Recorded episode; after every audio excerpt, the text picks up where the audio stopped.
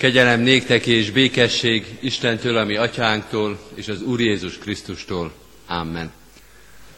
Urunk, ha a bűneinket számon tartanád, kicsoda állhatna meg előtted? Hogy is jöhettünk volna a te házadba, ha csak a bűneinkről és a te igazságodról tudnánk. De tudunk a te irgalmadról és szeretetedről is. Nem csak kijelentetted, hanem hozzánk meg is bizonyítottad, eljutattad a szívünkbe. Szeretetedet, kegyelmedet, mindazt, ami miatt itt lehetünk, ami miatt bizalommal tekinthetünk rád, sőt saját magunkra is, ami miatt nem kell elbújdokolnunk szégyenünkben előled. Hálát adunk azért, hogy így kezdhetünk minden Isten tiszteletet, örömmel és reménységgel.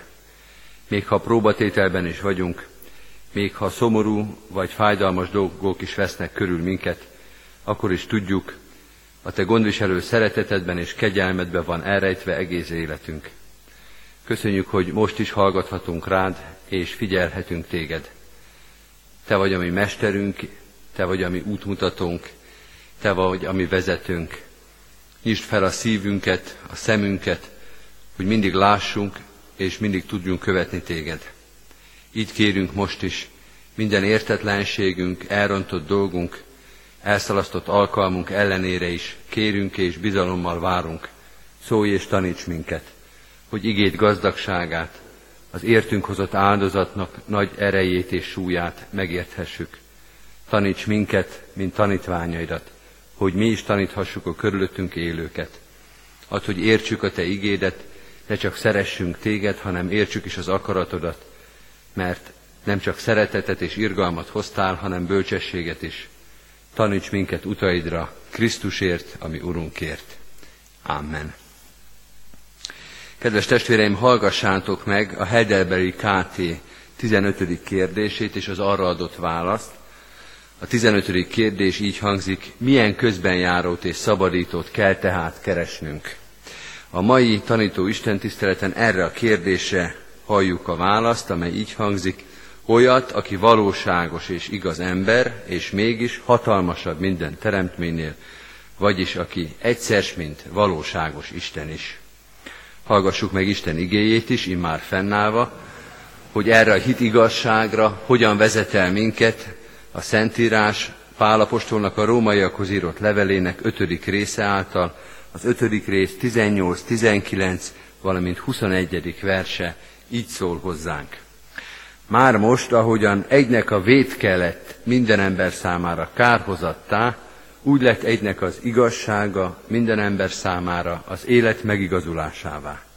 Mert ahogyan az egy ember engedetlensége által sokan lettek bűnösökké, úgy az egynek engedelmessége által is sokan lettek igazakká. Hogy mindenképpen úrrá legyen, a, hogy amiképpen úrrá lett a bűn a halál által, úgy uralkodjék a kegyelem is az igazsággal az örök életre, Jézus Krisztus, ami Urunk által. Eddig Istennek írott igéje, foglaljuk el a helyünket. Kedves testvérek, az a teológiai rész, vagy az a tanítás, amelynél járunk, nem csak most ennél a kérdésnél, hanem már a 13., 14. kérdés óta, és ami még néhány KT kérdés erejéig tartani fog, az összefoglalóan így fogalmazható meg a Jézus Krisztus kettős természetéről szóló tanítás. Jézus Krisztus kettős természete, vagyis ahogy a 15. kérdés válaszában ezt egyértelműen olvassuk, hogy Jézus Krisztus valóságos Isten és valóságos ember, már a keresztény ókorban kérdésé lett, Sőt, amint látjuk, és majd erre fogok többször hivatkozni, Pál apostol már a romai levélben nagyon egyértelműen fogalmaz erről, de néhány évszázaddal később már egészen komoly és az egész egyházat megmozgató teológiai viták lettek abból, ha valljuk meg őszintén nem is olyan egyszerű kérdésből, hogy kicsoda Jézus Krisztus. Ezt a kérdést tette föl egyszer az egyik teológiai tanárunk, hogy válaszoljunk erre a kérdésre a teológiai ismereteink alapján, hogy kicsoda Jézus Krisztus, elég sok mindent tudtunk mondani, mire mosolyogva mondta, hogy szinte minden válasz az tulajdonképpen arra a kérdésre válaszolt, hogy mit tesz Jézus Krisztus, ami egyébként egy fontos kérdés számunkra, De a kicsoda Jézus Krisztus az nem Jézusnak a munkájáról, az áldozatáról, a megváltásról akar megtudni valamit, hanem a személyéről, hogy Jézus Krisztus személyéről mit hiszünk. Na hát ennek az úgynevezett krisztológiai területnek a nagy tanítása az, amelyet időszámításunk után, vagy Krisztus után 451-ben a Kalcedoni zsinat kifejezetten ebben a témában is megfogalmazott, hogy hisszük, hogy Jézus Krisztus egy személyben valóságos ember és valóságos Isten. Ezzel mondjuk ki őszintén paradoxont, önellentmondást mond tulajdonképpen ez a zsinat, mert azt mondja valakiről, hogy ugyanakkor, ugyanabban a pillanatban Isten is, és ember is. Mintha azt mondaná mondjuk egy tárgyról, hogy egy tárgy fekete, és ugyanaz a tárgy ugyanabban a pillanatban fehér is. Nem szürke, nem pepita, nem valamilyen keveredése, hogy félig Isten, félig ember, hanem száz százalékig Isten, és ugyanő száz százalékig ember.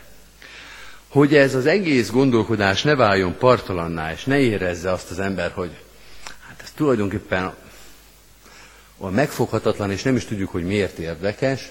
Pálapostól, amikor a rómaiakat tanítja, a felolvasott részben, igazából ugyanabba idézőjelben hibába esik, ugyanazt a módszert választja, amit mi véletlenül elkövettünk, hogy Jézus Krisztusnak a megváltásra bemutatott áldozata felől közelíti meg a dolgot. Tehát funkcionálisan próbálja ezt magyarázni, hogy ne egy elvont, egy kicsit a fejünk fölött zajló gondolkodás legyen az, hogy kicsoda Jézus Krisztus, hanem megértsük, hogy miért van erre szükség, miért van arra szükség, hogy Jézus Krisztus kettős természetben valóságos Istenként és valóságos emberként jelenjen meg itt közöttünk.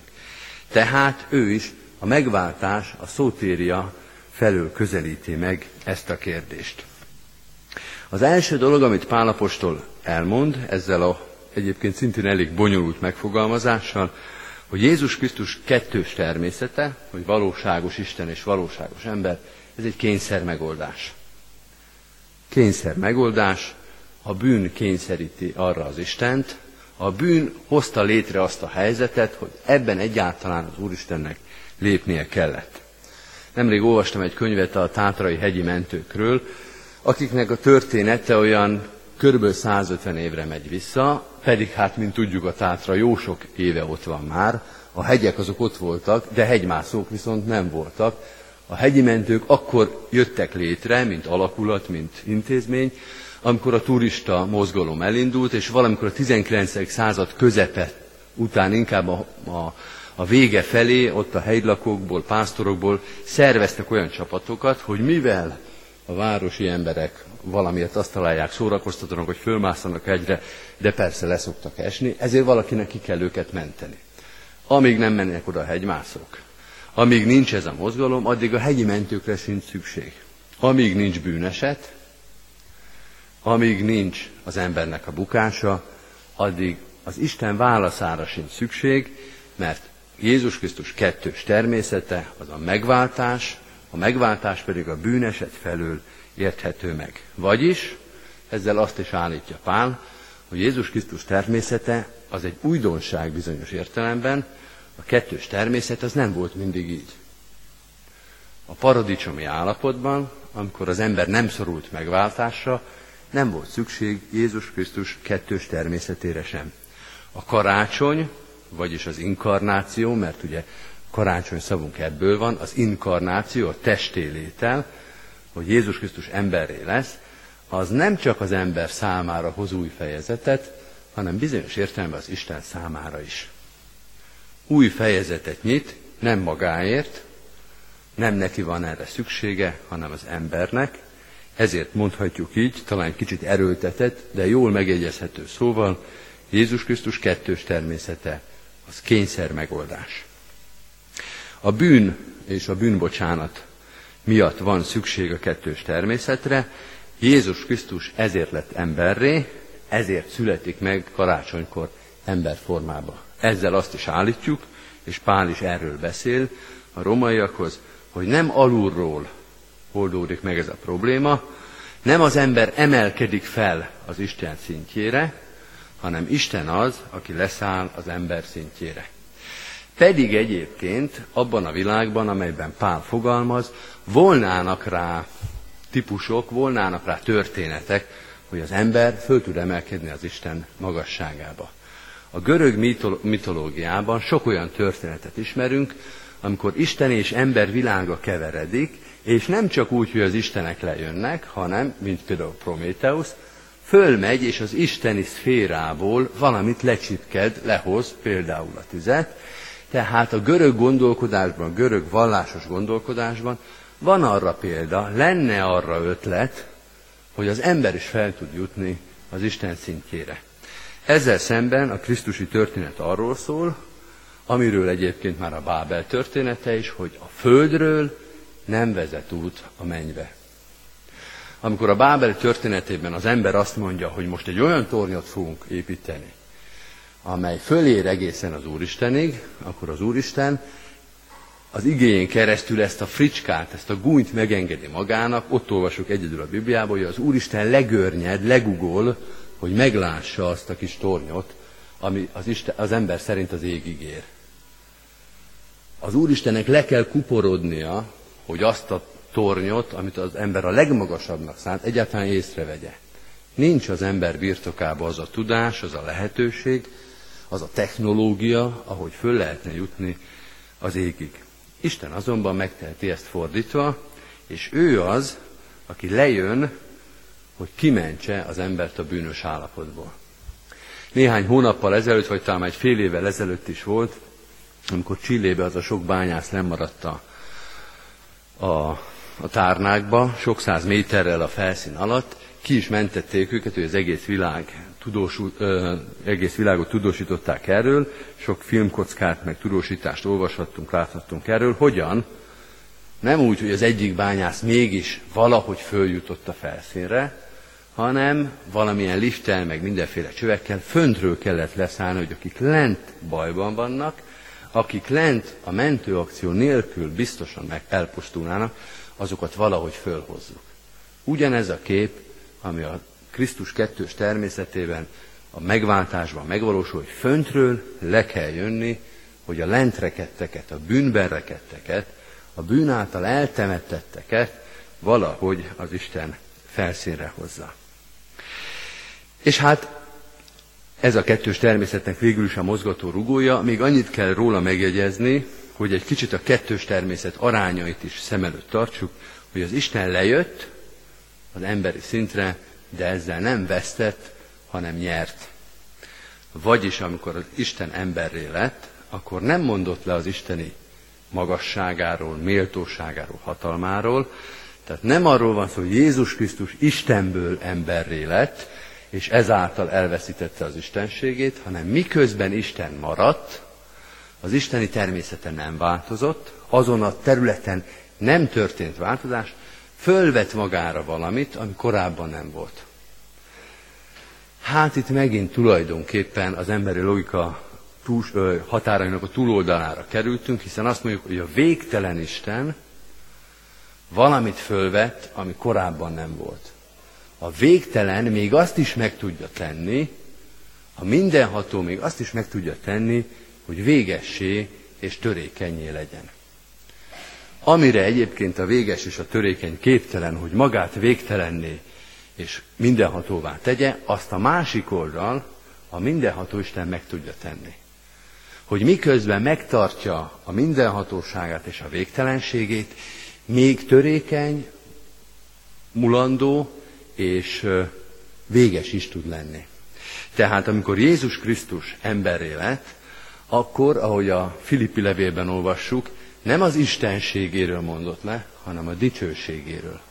Ugye ez a szép Krisztus himnusz úgy szól, hogy aki Isten formájában le, volt, nem tekintette zsákmánynak, hogy Istennel egyenlő, hanem dicsőségéről lemondott, és emberré lett. A dicsőségéről, az előjogáról, a, a fényességéről, a trónon üléséről lemondott, de az istenségéről nem.